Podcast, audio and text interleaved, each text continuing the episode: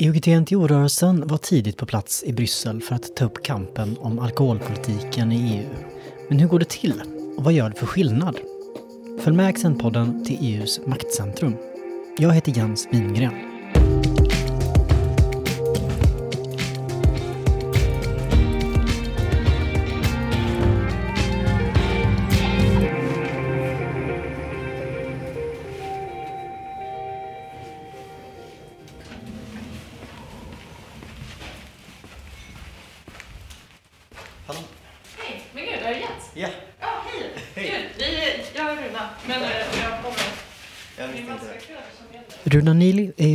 UGT-NTO-rörelsens politiska assistent placerad i Bryssel.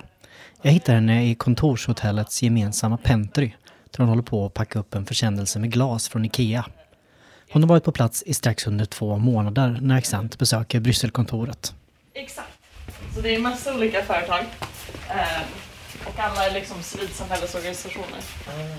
Och här har vi vårt lilla kontor som är eh, väldigt eh, Bryssel jag har ju varit nykterist väldigt länge men det var väldigt sent som jag verkligen satte mig in i, i folkrörelsen om nykterism. Och eh, nu, är det, eh, nu är jag här helt enkelt. Så det här är mitt första liksom, jobb efter mastern och eh, det är superkul. Du får ta dig masken om du vill här. Kontoret har varit beläget här i ett kontorshotell vid Madou i Bryssel sedan september 2020 att flytta in i de nya lokalerna var en av de första sakerna som Emil Juslin fick vara med och göra när han började jobba på kontoret i Bryssel. Då som assistent, idag som politisk sekreterare i EU-frågor. Eh, och jag har alltid haft väldigt stort intresse för EU-politik framförallt. allt. det var något som jag väldigt tidigt i gymnasiet började intressera mig mycket för med en organisation som hette Europeiska ungdomsparlamentet då. Och tyckte jag alltid att det var väldigt spännande just med EU-politiken. Lite just den här balansen mellan nationell och eh, internationell politik som blir EU på något sätt tyckte jag var väldigt kul. För som lite av eh, det bästa av båda världar om man gillar med politik. Men till att börja med, vad är egentligen EU och hur fungerar det? Vi låter Runa Nili ge oss en snabb introduktion.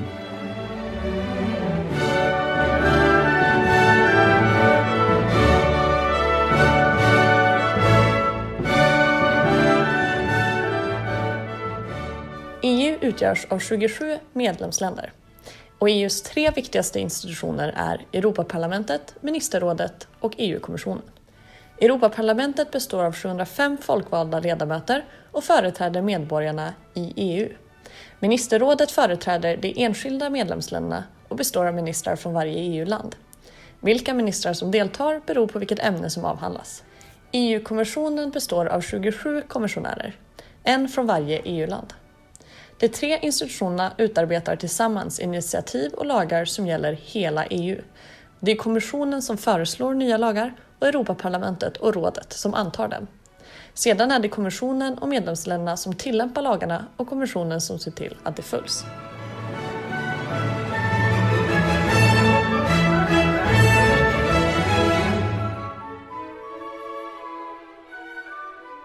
Det är inte helt lätt att få grepp om EU och det svåra i att relatera till EUs politik återspeglas i européernas valdeltagande i EU-parlamentsvalet.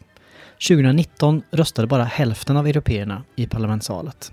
Belgarna är överlägset bäst på att rösta till EU-parlamentet och har legat på 90 procents valdeltagande sedan 70-talet. Sverige låg länge på mellan 40 och 45 procent, men 2019 ökade valdeltagandet till hela 59,8 procent. Sverige gick med i EU 1995 efter en folkomröstning Åren innan folkomröstningen var ett eventuellt EU-medlemskap en stor fråga för nykterhetsrörelsen och extrainsatta kongresser arrangerades både av UNF och IOGT-NTO för att ta ställning för eller emot EU-medlemskap. Men redan innan Sverige röstat om EU-medlemskap hade nykterhetsrörelsen siktet inställt på ett kontor i Bryssel. Detta eftersom man bedömde att mycket av svensk alkoholpolitik skulle komma att påverkas av EU, oavsett Sveriges medlemskap. Det var främst nykterhetsrörelsens bildningsverksamhet NBV som drev på processen och 1999 invigdes kontoret som då var ett samarbete mellan IOGT-NTO-rörelsens förbund, MHF och Blå bandet. Det är än idag NBV som står för kostnaden för att ha kontoret. En politisk sekreterare anställs av IOGT-NTO och en politisk assistent anställs på ettårsbasis av IOGT-NTO och Ungdomens nykterhetsförbund, UNF.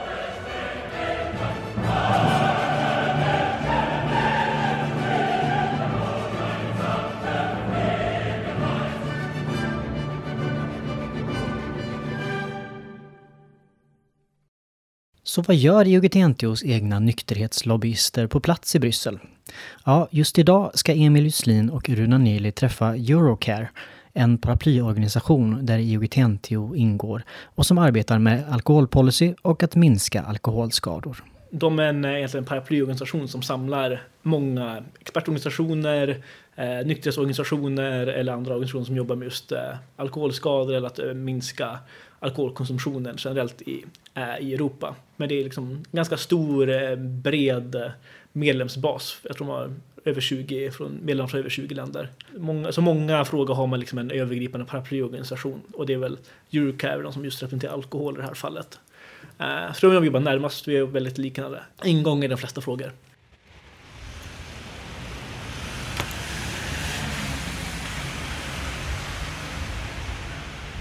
Emil Juslin och Bruno Neely sätter på sig sina ansiktsmasker och tar sig ut på stan.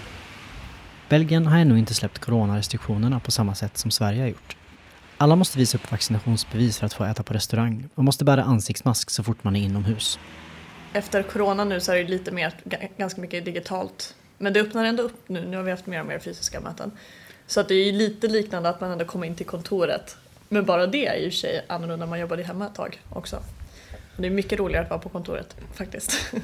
Man brukar ju ofta prata om så här, äh, klyschor om att äh, varje dag är annorlunda från den andra på något sätt. Men jag skulle ändå säga att det stämmer ganska mycket i både arbets... Äh, både egentligen om arbetsuppgifter och liksom var vi är helt enkelt. Men det, det styr väldigt mycket vad, vilken fråga som är aktuell för veckan egentligen. Det kan verkligen variera från vecka till vecka.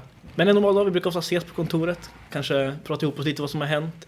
Man går ju ofta igenom nyhetsflödet, både EU och nationellt och ser lite vad som Eh, om det har hänt någonting som vi kanske måste reagera på, eh, antingen från Digitentio liksom hemma eller om det är något EUs spår som har gått eh, framåt.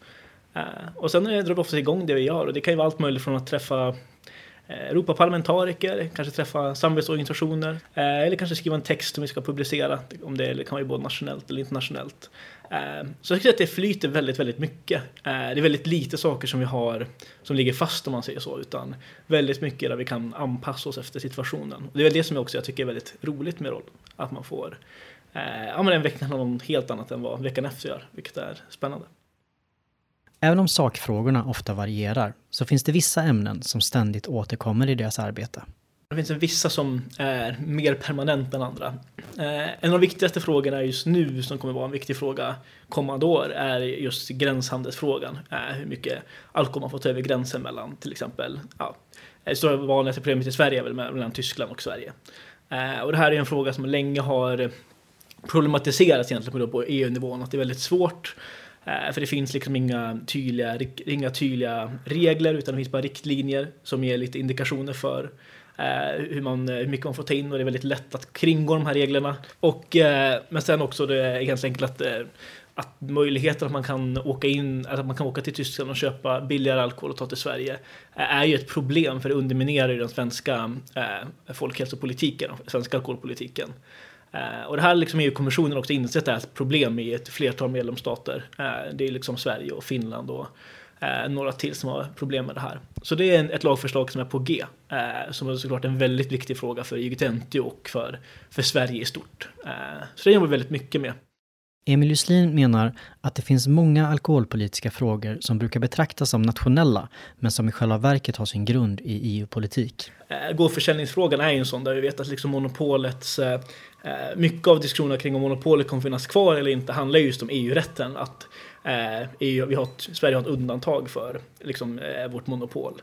Och att eh, införa privathandel som gårdsförsäljning skulle medföra så skulle man ju direkt gå emot eh, eh den ensamrätt som monopolet besitter. Och det är ett väldigt bra exempel på liksom, när nationella och EU går det väl in. Eh, och där är även samma sak på till exempel alkoholmarknadsföring. Eh, styrs också väldigt mycket av EU-nivån. Eh, där det dels liksom finns nationell lagstiftning som eh, upprätthåller det här, men det finns också, man påverkas ju väldigt mycket av de andra EU-medlemsstaterna. Jag tror många vet det till exempel när Discovery till exempel var placerade i, Discovery-nätverket var placerade i England eh, innan Brexit. Så kunde de ju sända eh, vilken alkoholreklam de ville egentligen till Sverige. Eh, trots att vi liksom inte har, har ett förbud mot det i Sverige. Eh, och det är ett bra exempel på där det liksom finns ett, eh, ett gränsproblem egentligen på grund av EU. Och det är också en fråga som man arbetar med på EU-nivå och försöker liksom att eh, minska. Eurocare huserar i Norgehuset, en byggnad precis bakom EU-kommissionens stora glasbyggnad. Att odla bra samarbeten är en nyckelfråga för att lyckas i Bryssel enligt Emil Juslin. Även för så liksom stora förmåner att kunna vara på plats och kunna jobba eh, nästan fulltid liksom med EU-frågorna så har vi ändå, eh, vi är fortfarande bara från ett land. Eh, och så här, eh, vi har ju mest kontakter kanske med svenska Europaparlamentariker och för att förändra liksom i, i EU-frågorna så behöver man medlemmar, man behöver liksom dels många som kontaktar folk, men man behöver också en, ändå en bredd av, av länder, organisationer och liknande som står bakom saker. I många fall kan det vara en parlamentariker som stödjer det vi eh, står för, men kanske har svårt att eh, veta om de har stöd, eller men inte känner att de har stöd, även fast de tycker eh, som vi. Eh, och så kunna visa då att det liksom finns eh, många som står bakom eh, ett budskap som kanske om att det inte finns någon säker nivå av alkoholkonsumtion eller liknande. Eh, så det där är väldigt viktigt, för jag tror annars, annars är det väldigt svårt att eh, skapa förändring eller skapa påverkan, just för att eh, vi är för små helt enkelt. Och det behövs många röster. Alltså det är ju väldigt få som håller på så specifikt med alkoholpolitik som vi gör. Alltså även de andra organisationerna håller ju på med andra ämnen också och sen in, inklusive alkohol. Men för oss är det ju verkligen alkoholpolitik är det vi fokuserar på så att utan stöd från dem så hade vi inte kunnat hinna med eller göra lika stora liksom, satsningar som vi gör nu ändå. Mm. Och även om området kan verka snävt så finns det alltid saker att göra kring alkoholpolitiken i Men jag skulle säga det är, det är aldrig en fråga som aldrig liksom är helt, helt borta. Eh, utan det finns alltid frågor man kan liksom driva ändå. Ett bra exempel är gränshandelsfrågan. Som jag vet att min föregångare, Kalle Dramstad, berättade när han eh, började. Liksom, han frågade någon om den här frågan då. Och bara, men det där kommer aldrig hända. Liksom, det, där är, det är alldeles för svårt. Det är liksom skatt inte eh, medlemsstaterna kommer aldrig komma överens. Och sen har man liksom, med successivt arbetat med frågan, kanske träffat rätt person, nämnt det här, liksom sagt om det här är något som borde se över. Och nu är vi liksom i ett stadie där det kanske kommer ett lag. Så man kan alltid liksom börja jobba med nya frågor, påminna om så här, så frågor som redan lyfts. Kanske påminna om cancerplaner, vad ni sa att ni skulle leverera det här innan 2023, nu är det 2023 och det finns inget på det här policyområdet. Eh, så det finns alltid saker man kan lyfta, det finns alltid saker man kan förbättra. Eh, och så här, eh, och det är inte nödvändigtvis ibland att, liksom, att det är, frågan måste handla om alkohol för att man ska driva den. Ibland kan det vara att den stora problematiken är att alkohol inte finns i en fråga där alkohol borde finnas med. Det finns många eh, frågor man pratar om, liksom, eh, eh liksom man ska prata om jämställdhetsfrågor till exempel på EU-nivå. Eh, jag har aldrig hört att det pratas om alkohol där till exempel. Vilket ändå, som vi vet, har en väldigt stor påverkan på eh, ja, mäns våld mot kvinnor och liknande. Eh, och så där är också liksom en sak att jag tror när det kommer sådana perioder att man också kan identifiera vart, eh, varför kommer det inga frågor. Det är väl också en eh, lika stor fråga då, om det, inte, om det är helt dött, varför är det dött? Vilken fråga kan man få igång igen? Um, Dagens möte med Eurocare handlar om särskilda utskottet för cancerbekämpnings rapport om EUs arbete mot cancer. Det är ett digert dokument som just nu håller på att hamras fram i parlamentets utskott med sikte på att röstas igenom någon gång under nästa år. Rapporten är ett svar på EUs cancerplan som EU-kommissionen la fram i februari och i dagsläget finns tusentals förslag på tillägg i texten som parlamentariker har lämnat in. Emil Juslin och Runa Nili har gått igenom tilläggsförslagen, sorterat ut de som handlar om alkohol och bedömt om de är bra eller dåliga förslag. Det gäller att identifiera vänner och fiender i påverkansarbetet. Många av de rödmarkerade tilläggsförslagen är snarlika. De vill få in formuleringar som gör sambandet mellan alkohol och cancer mindre uppenbart. Problemet med alkohol och cancer formuleras som ett individuellt problem för den som har en skadlig konsumtion av alkohol. Men det är väldigt ofta så där industrin arbetar, att man, liksom, man suddar ut sambandet. Eh, man försöker liksom försvåra det, man kanske säger att alkohol, alkoholkonsumtion måste ses tillsammans med andra, eh, annan konsumtion för att se om det är nyttigt. Det var väldigt vanligt när, eh, under, när cancerplanen släpptes var det mycket snack om det där. Så det är väldigt typiska exempel på hur man försöker eh, förminska sambandet eller liksom komplexisera och säga det kanske det handlar om hur man dricker det, vilken, så här, hur, hur mycket man dricker, hur, hur ofta man dricker när vi vet att liksom, sambandet är väldigt simpelt. Det handlar om desto, desto mer du dricker desto, desto större risk är det för att du får cancer och att det bästa är att inte dricka alls. Eh, och sen är det liksom inte väldigt tydligt att det finns en ganska tydlig liksom, sådan linje. Men det är ett väldigt bra exempel på när man försöker liksom att försvåra sambandet och liksom ge en idé, idé om att om du har bättre metabolism då är det inte ett problem helt plötsligt. Man lär sig det ganska snabbt som ny här att eh, det är vissa sådana där trigger words som när man ser så kan man förstå att okay, antingen har industrin varit här eller så är det någon eh, parlamentariker som kanske har träffat någon sen tidigare eller bara liksom välställd till eh, industrin mer än till folkhälsa. Och det är typ harmful alcohol consumption eller excessive alcohol consumption. Så man, när man väl börjar se de orden så ser man dem lite överallt poppa in. Och då kan man förstå att eh, här har varit i krokarna och hållit på. Precis.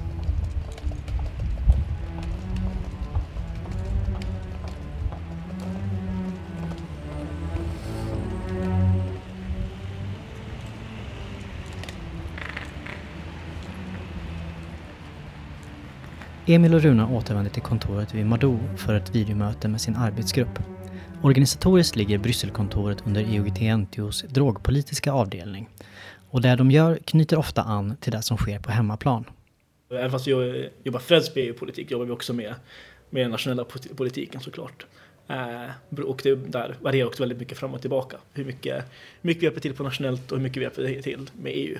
Eh, nu när gårdsförsäljningsfrågan är så pass stor i, i Sverige till exempel så eh, gör även Brysselkontoret sin beskärda del i den frågan till exempel. Eh, men annars ska jag säga ganska representativt. Eh.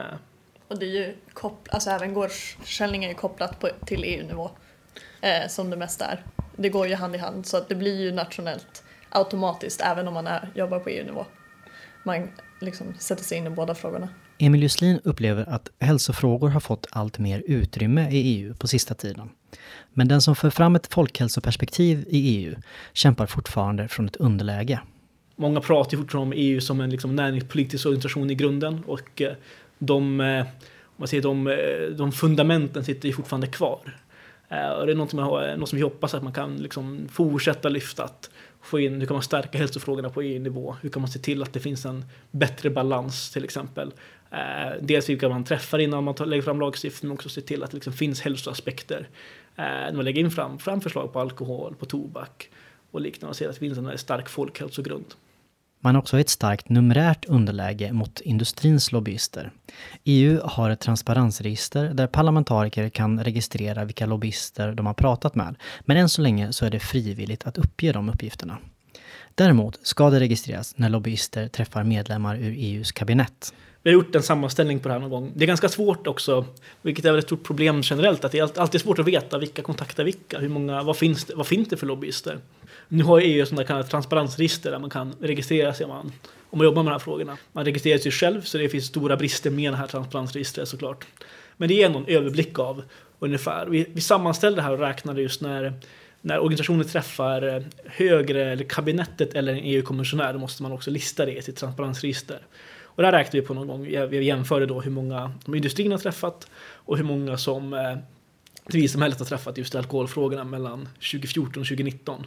Så förra mandatperioden. Och då var det jag tror det var 190 möten för industrin mot 19 på eh, civilsamhällssidan. Det säger en hel del om industrins kapacitet. Eh, det säger också en hel del om industrins starka fäste när det kommer till EU och de kontakter de har.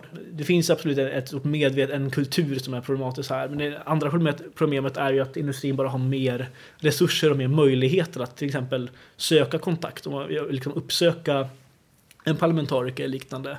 Vilket som kanske den parlamentarikern kanske också hade tagit ett möte av civilsamhället. Men om det inte finns, som sagt, vi är kanske fyra, fem stycken som jobbar med alkoholfrågor på EU-nivå på heltid. Eh, och så här, då hinner vi inte man kanske inte hinner helt enkelt. Och det är också en aspekt som är viktig att väga in och som gör, gör den här imbalansen starkare.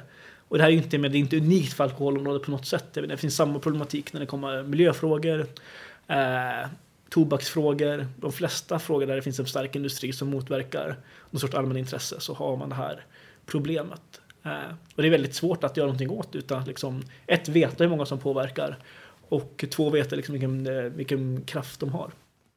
Emil Juslin vänder sig inte emot att kallas lobbyist, även om det ofta ges en ful klang.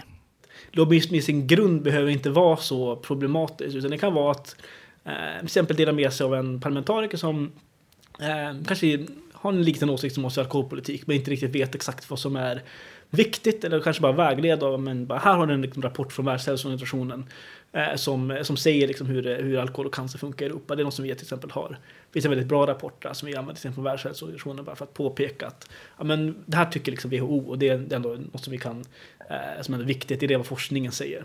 Och det kan verkligen vara ett väldigt lätt sätt att få en parlamentariker ja men skönt, nu har jag liksom ett bättre, något liksom ett argument för min sak.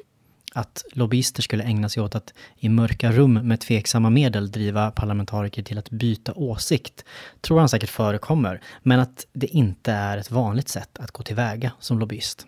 Det finns absolut lobbyister som arbetar på det sättet. Men eh, den kända lobbyingen funkar inte på det sättet. Utan den kända lobbyingen är mer det som vi beskriver. att Man kanske upplyser en parlamentariker. För jag menar många parlamentariker är stressade i Europaparlamentet. Även riksdagsledamöter för den delen. Eh, och man hinner inte med att läsa allting. Och då kanske påpeka att ja, ni borde verkligen kolla noggrant på förslag 183. För det är inte bra. Och det är bra om ni kanske eh, ni, er grupp verkar kanske som att ni ska rösta för det här. Men det är bra om du kanske inser att det inte är ett bra förslag. Det kanske de inser, bara, ah, men just det här är, hade vi inte hunnit kolla på. Och det är helt rätt, vi ska inte rösta för det till exempel. För det ja, kanske inte är, som sagt, man kan uppmana dem att det kanske inte ligger i linje med vad de vill. Tror ni att eh, ni kommer vilja fortsätta jobba med EU-frågor när er tid här på kontoret är eh, klar? Ja, det är, eh, för min del är jag har ju som sagt jobbat mycket med EU-frågor förut och jag tycker att det är väldigt intressant. Eh, och väldigt spännande. Eh, även för att man ibland liksom blir frustrerad för att saker blir, går långsamt eller för att det är förvirrande eller för att man bara blir irriterad för att det går åt fel håll. Eh, vilket såklart tyvärr händer ganska ofta. Eh, så tycker jag ändå att det är väldigt spännande, en spännande kontext. Och, Eh, om sagt, EU, vare sig man vill eller man gillar EU eller inte så påverkar EU såklart Sverige och svensk politik väldigt mycket.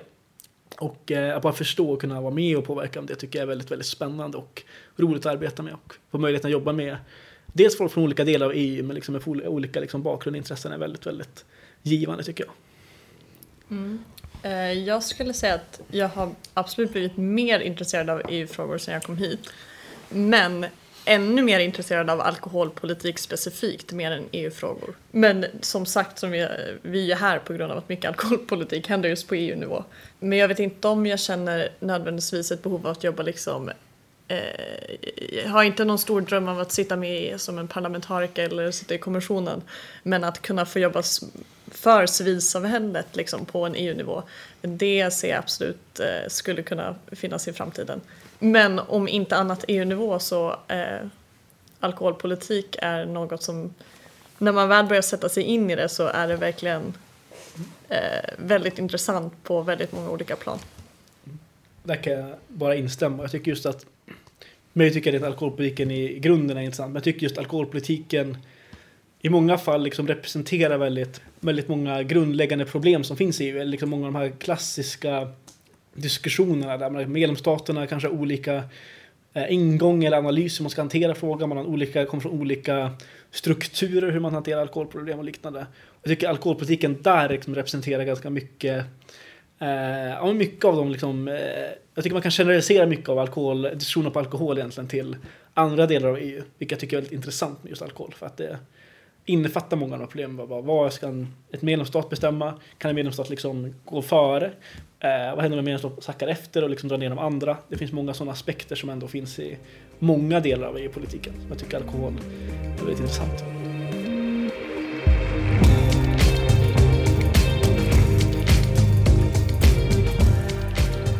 Du har lyssnat på Accentpodden. Accent är Sveriges största tidning om droger och nykterhet och IGT NTOs medlemstidning. Du får gärna höra av dig till oss och berätta vad du tyckte om den här podden och vad du skulle vara intresserad av att höra mer om i framtiden. Du når oss på accent iugt.se. Du hittar våra senaste nyheter på www.accentmagasin.se eller på Facebook. Tack för att du lyssnat!